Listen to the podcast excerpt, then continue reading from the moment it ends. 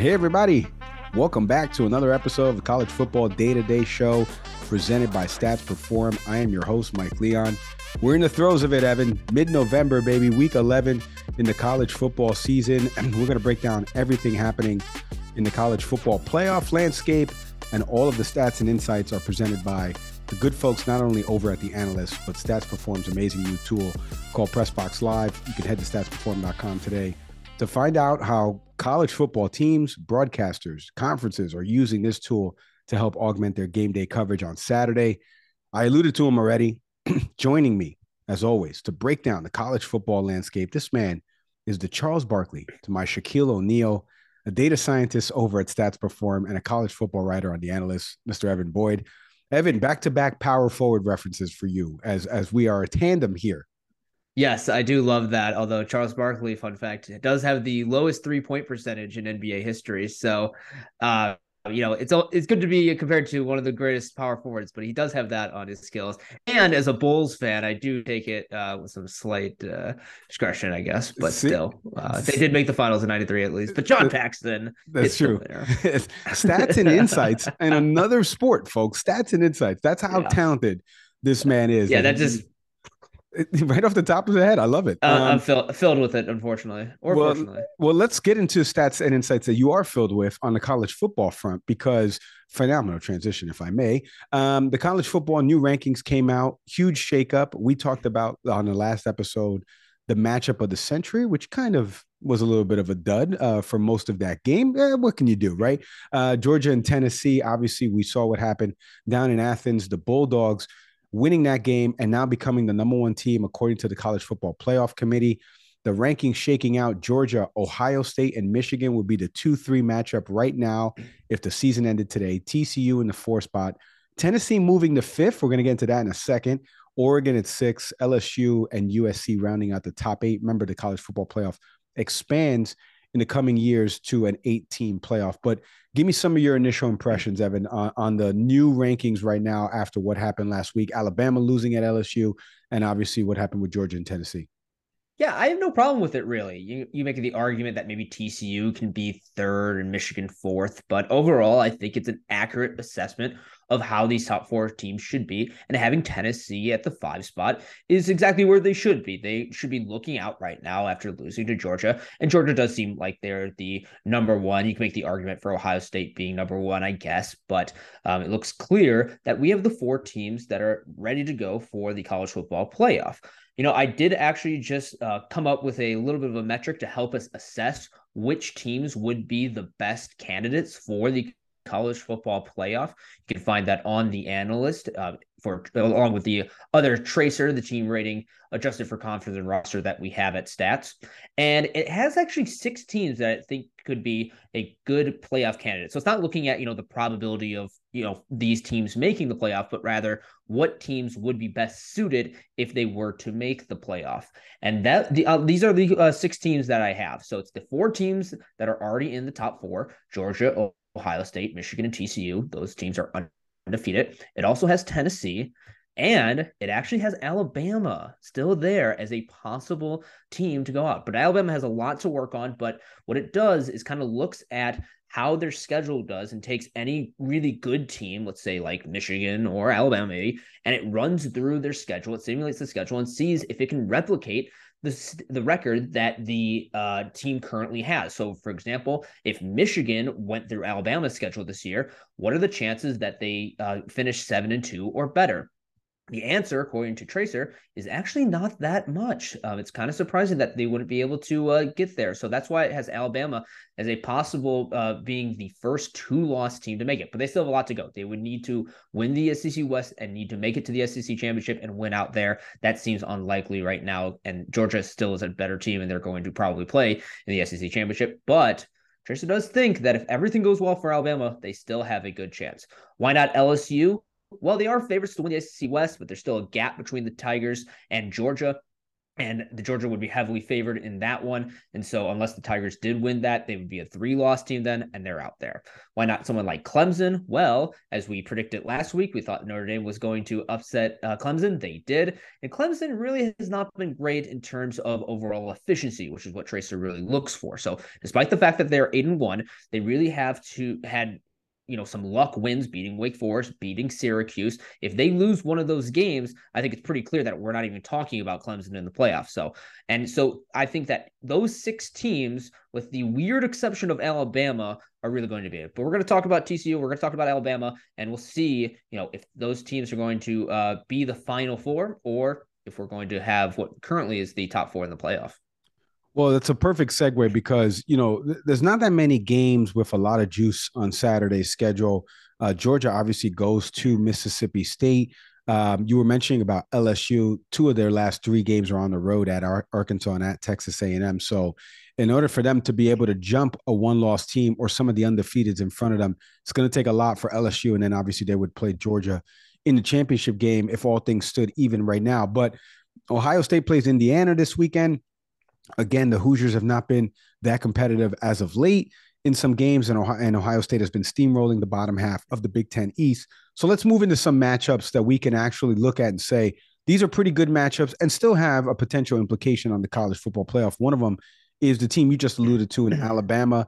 They head to the Grove to take on Ole Miss as Lane Kiffin is now 0 3 against Alabama as the Rebels head coach, while Nick Saban is 13 and 2 against Ole Miss as Alabama head coach. Evan, the t- the uh, the Crimson Tide are reeling here. First time uh, with two losses before the Iron Bowl since 2010. A stat and insight presented by Pressbox Live. So this is kind of un- unfamiliar territory for the Crimson Tide. Uh, what do you expect in Saturday's matchup here? Well, first, you know, I just talked hype about Alabama, but if they lose this game, they're obviously done. They're not making the playoff. But and I really like uh, what Lane Kiffin has done for this Ole Miss team, and it seems like it's going to be one of the best seasons that they've had in quite some time. But Alabama has not lost back-to-back games since 2013, and both the Tides losses have come at pretty much the last second. Remember, it was a game winning field goal against Tennessee, as well as a game winning two point conversion. Very risky for LSU that uh, they pulled that off. But, you know, if they, that just goes the other way, talking about Alabama still being a one loss team and one of the best in the FBS. So, um, I think that you know Tennessee and LSU, the teams that Alabama lost to, are better than Ole Miss, but this is still an upset possibility. Ole Miss is eight and one, but I've seen signs of some concern over the last two games. Right, they were crushed by LSU three weeks ago. They were down at half to Texas A&M in their last game. They're coming off of a bye week. That could help. But I think Bryce Young is going to be too much for an Ole Miss defense that allowed over 300 pass yards to Texas A&M. The Aggies' offense is just okay this year. It's going to be a, uh, team's toughest matchup by far, and I think Nick Saban is going to really put their, his players into shape to avoid a second consecutive loss. You know, um, and overall, TRACR, you know, it's really not loved Ole Miss this season. It's kind of like uh, Clemson. They've had a lot of close wins going in there, so maybe and one's not the best way we see it, but Alabama has an 84% chance of winning this game, even if it's on the road. So it doesn't mean that it's impossible, right? We've seen different matchups before. Uh, probabilities, uh, you know, uh, that's what it suggested, but easily could be an upset. But I still think I'm going to go with Alabama on this one, and you know, it's kind of be going to be, you know, uh, let's let's see how they can respond after a loss once again. So don't think it's going to be back to back losses for the Tide.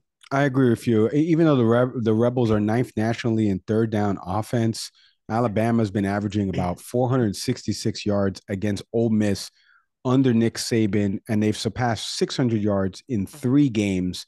Um, I just think the Crimson Tide right now too too much right now. They know yeah. they can't afford a mistake. We said this last week, and we were almost right, if not for a two point conversion in overtime. Uh, give me the Crimson Tide winning down there in Ole Miss. Um, let's move to a, a, few more games because there's a couple of teams that are right on that fringe of potentially cracking the top four. When we were on last week, we talked about, hey, here's Michigan sitting right in the fifth spot. All they got to do is have somebody in front of them lose, and two of those teams happen to play each other, and they moved up. Well, here's the same scenario with Oregon.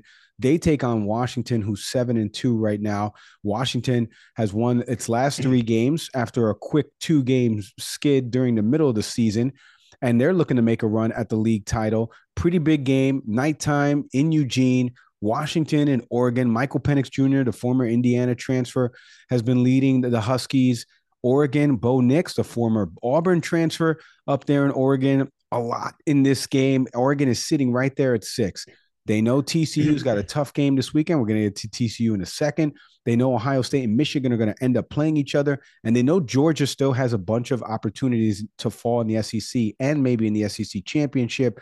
So they're sitting right there with one loss and another Pac 12 team with one loss, a couple spots behind them. What do you make of Saturday night's matchup up in Eugene? You alluded right to it. I love this matchup for the quarterbacks, right? I think this is going to be a really fun game. Um, you know, if Oregon comes out, I think they have a really good chance um, at, well, maybe not really good chance, but, you know, their consideration into the playoff is more and more likely. Remember that they were crushed by Georgia early, at the start of the season, and that really, I think, set everyone off against Oregon possibly making the playoff. But they've played great football since. Washington wins this game, I think, you know, not then neither team is going to be considered for the playoff.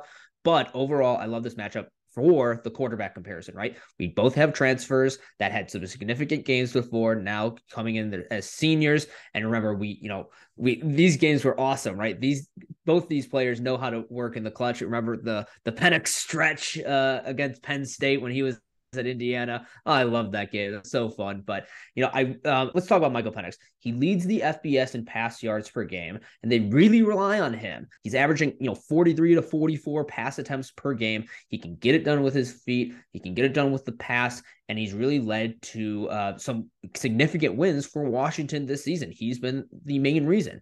As for Bo Nix, he's second in the FBS in completion percentage. He's been fantastic over his last four games, completing about 80% of his passes. He's averaging over 11 yards per attempt.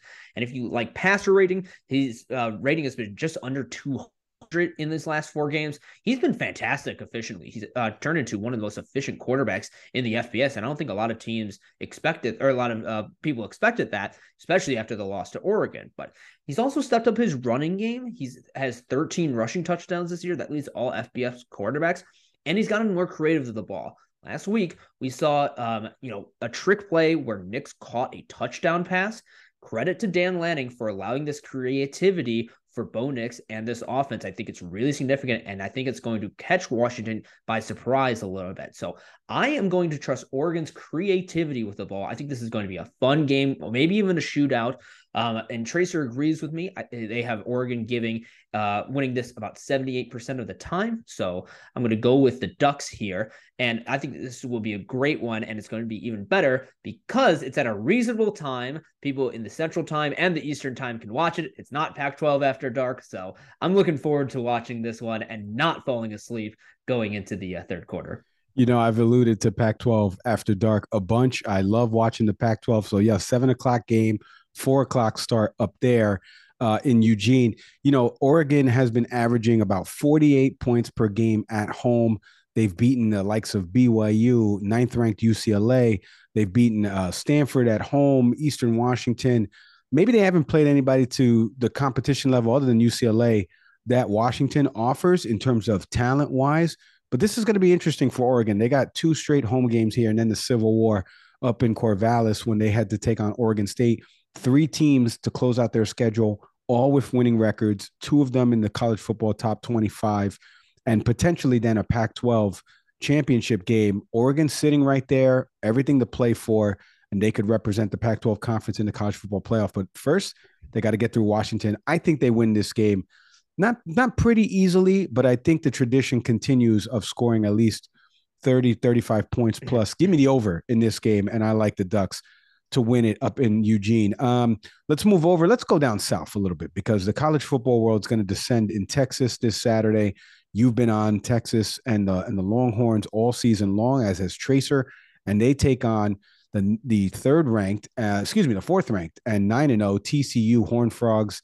Saturday night primetime game as ABC will be airing this game between TCU and Texas. I'm going to get into a stat and insight in a second on the matchup.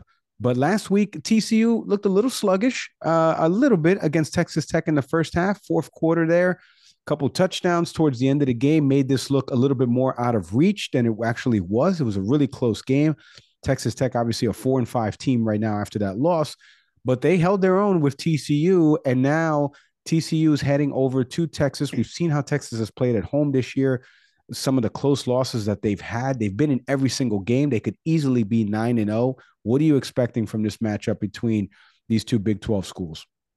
Yeah, so I mentioned briefly how TCU is up there as a playoff candidate, but not as strong as others.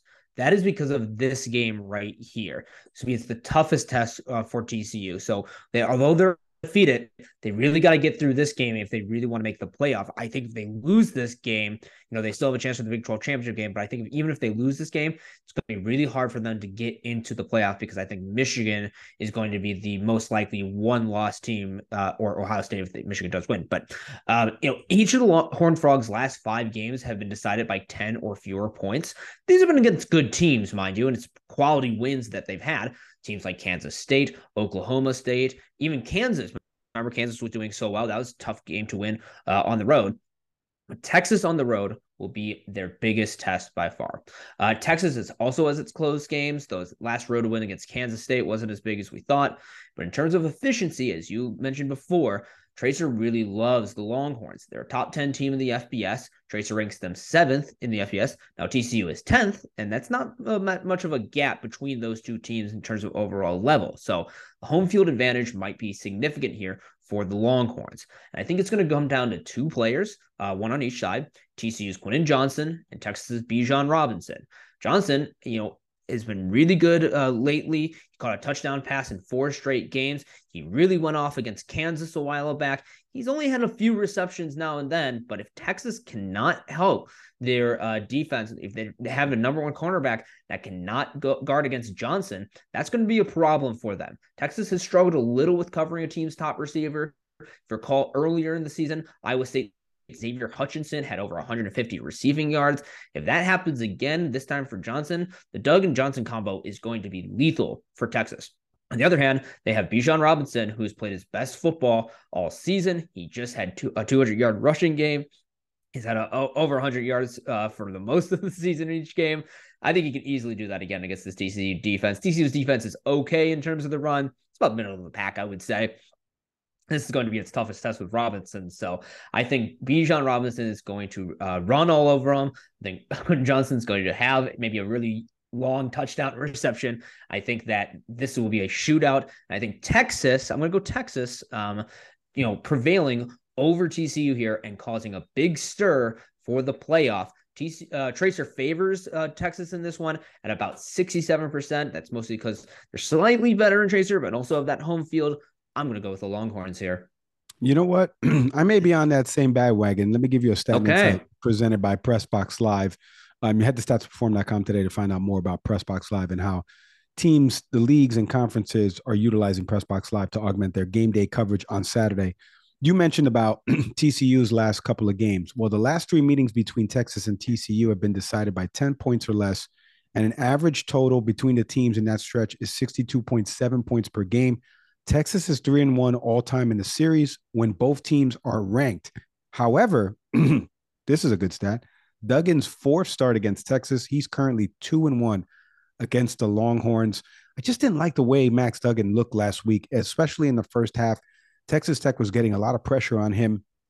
I don't know how that will translate over on the road. If you just look at the common opponents that they've played so far, um, Texas has fared a lot better in the common opponents than TCU has. It's on the road. If it was at TCU, maybe I'd feel a little bit different if it was in Fort Worth. Because it's in Austin, I like the Longhorns in this game. I'm going to go with you as well and take Texas. And again, you've you've been saying it all year. Texas is a team again, three losses, but they were right there in those three losses and could easily be 9 and 0 or 8 and 1 and sitting outside, you know, the bubble of the top 4 in the college football playoff.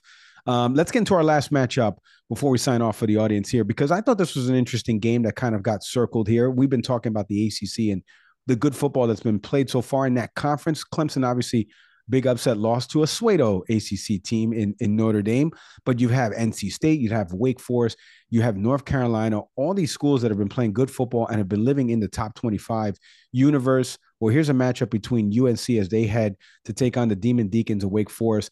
UNC is sitting there eight and one. They only have one loss to Notre Dame at home. Uh, and you know, Mack Brown has a resurgence here at North Carolina, a high scoring offense. The defense is eh, but it's winning them games, right? Uh, and and now they head to six and three at Dave Clawson's Wake Forest squad. Again, another year for Wake Forest where they easily could be another team that's like an eight and one, nine and zero, oh, and you could be talking about the ACC having a conversation to be able to put at least one or maybe two teams into the college football playoff hasn't shaken out like that because they've been beaten up on each other. But what do you make of this matchup uh, in North Carolina there between UNC and Wake Forest?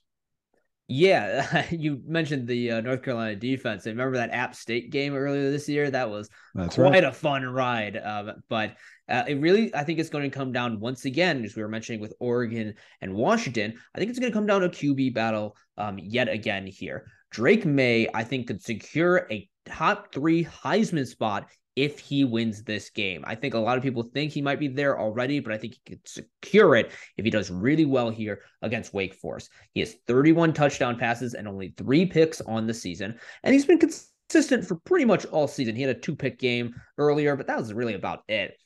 Even in North Carolina's one loss this season, he threw for five touchdown passes. He's been really good.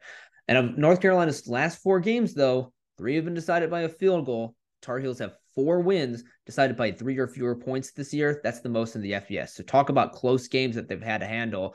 They could, you know, we were talking about Texas possibly being an eight and one team.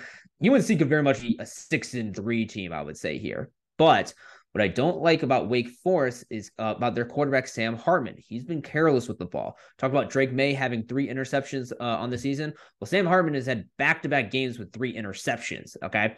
So he threw three picks against NC State last week, two of which led to field goals. So these are really costing Wake Forest. We talked to him about last week about how he had to be careful. He wasn't right? So I don't think he's going to re- really recover. I think, you know, even though North Carolina doesn't have as good of a pass defense, I think it'd be enough. Maybe Hartman can rebound, but I don't think it's going to be, you know, too much for North Carolina to handle despite their defense issues. If Sam Hartman isn't uh, doing that well, like he hasn't really for the last two games, it's going to spell trouble for Wake Forest once again. So I'm going to go with North Carolina here. TRACR actually likes this game for Wake Forest. In terms of TRACR, both teams are actually about the same. Um, and it, it, TRACR likes it because Wake Forest has home field advantage, but it's really small. It's like 58% chance in favor of the Demon Deacons. I will go North Carolina in this, though. I think they're playing better football right now, and I think they can get a road win here. Yeah. I, am with you. I like North Carolina a lot. They're fifth in, in the NCAA in scoring touchdowns, 48. They're averaging close to 500 yards per game. The offense has been prolific. I mentioned they have one loss, and it's at home. It's not on the road when they lost that game to Notre Dame. Wake Forest, uh, sometimes at home, doesn't have the full home crowd behind them. All you got to do is turn on the tape of that Clemson Wake Forest game and see how many Clemson fans made the journey from South Carolina. I think UNC fans will dominate uh, the attendance, maybe a 60 40 type of split Wow. Give me the Tar Heels winning that game. Again, if North Carolina wins out, they will be in the ACC championship game.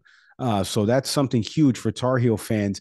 And Mack Brown, the job that he's done there since he retired and then went back, you know, obviously to call games for ESPN. And now he's come out of retirement and what he's done with UNC and been able to build that program.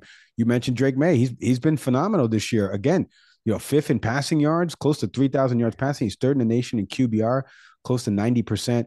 So give me the Tar Heels. I'll take the Tar Heels over uh, Sam Hartman's eh, um, turnover uh, propensity, let's call it, for lack of a better term. Um, my thank yous to Evan Boyd, a data scientist over at Stats Perform, and also a contributor over on the analyst. You want to check out all those stats and insights that he mentioned from TRACR's rankings. Check it out over on theanalyst.com. All the stats and insights are provided also by Pressbox Live. You can head to statsperform.com today to find out how teams, conferences, broadcasters, everybody's using Pressbox Live to help augment their game day coverage on Saturdays. We'll be back uh, in a couple weeks with another installment. We're going to look at the Heisman Trophy. We're going to get deeper into November, Evan. We're almost there. Bowl season will be upon us. Everything will start to shake out. Conference, who's going to be playing in these conference matchups between, you know, in the, in the championships between the ACC, the Pac 12, the Big Ten. All of this stuff is going to shake out. We will be back in a few weeks with a brand new episode. For Evan Boyd, I'm Mike Leon. Thank you so much for watching and listening to College Football Day to Day over on The Analyst.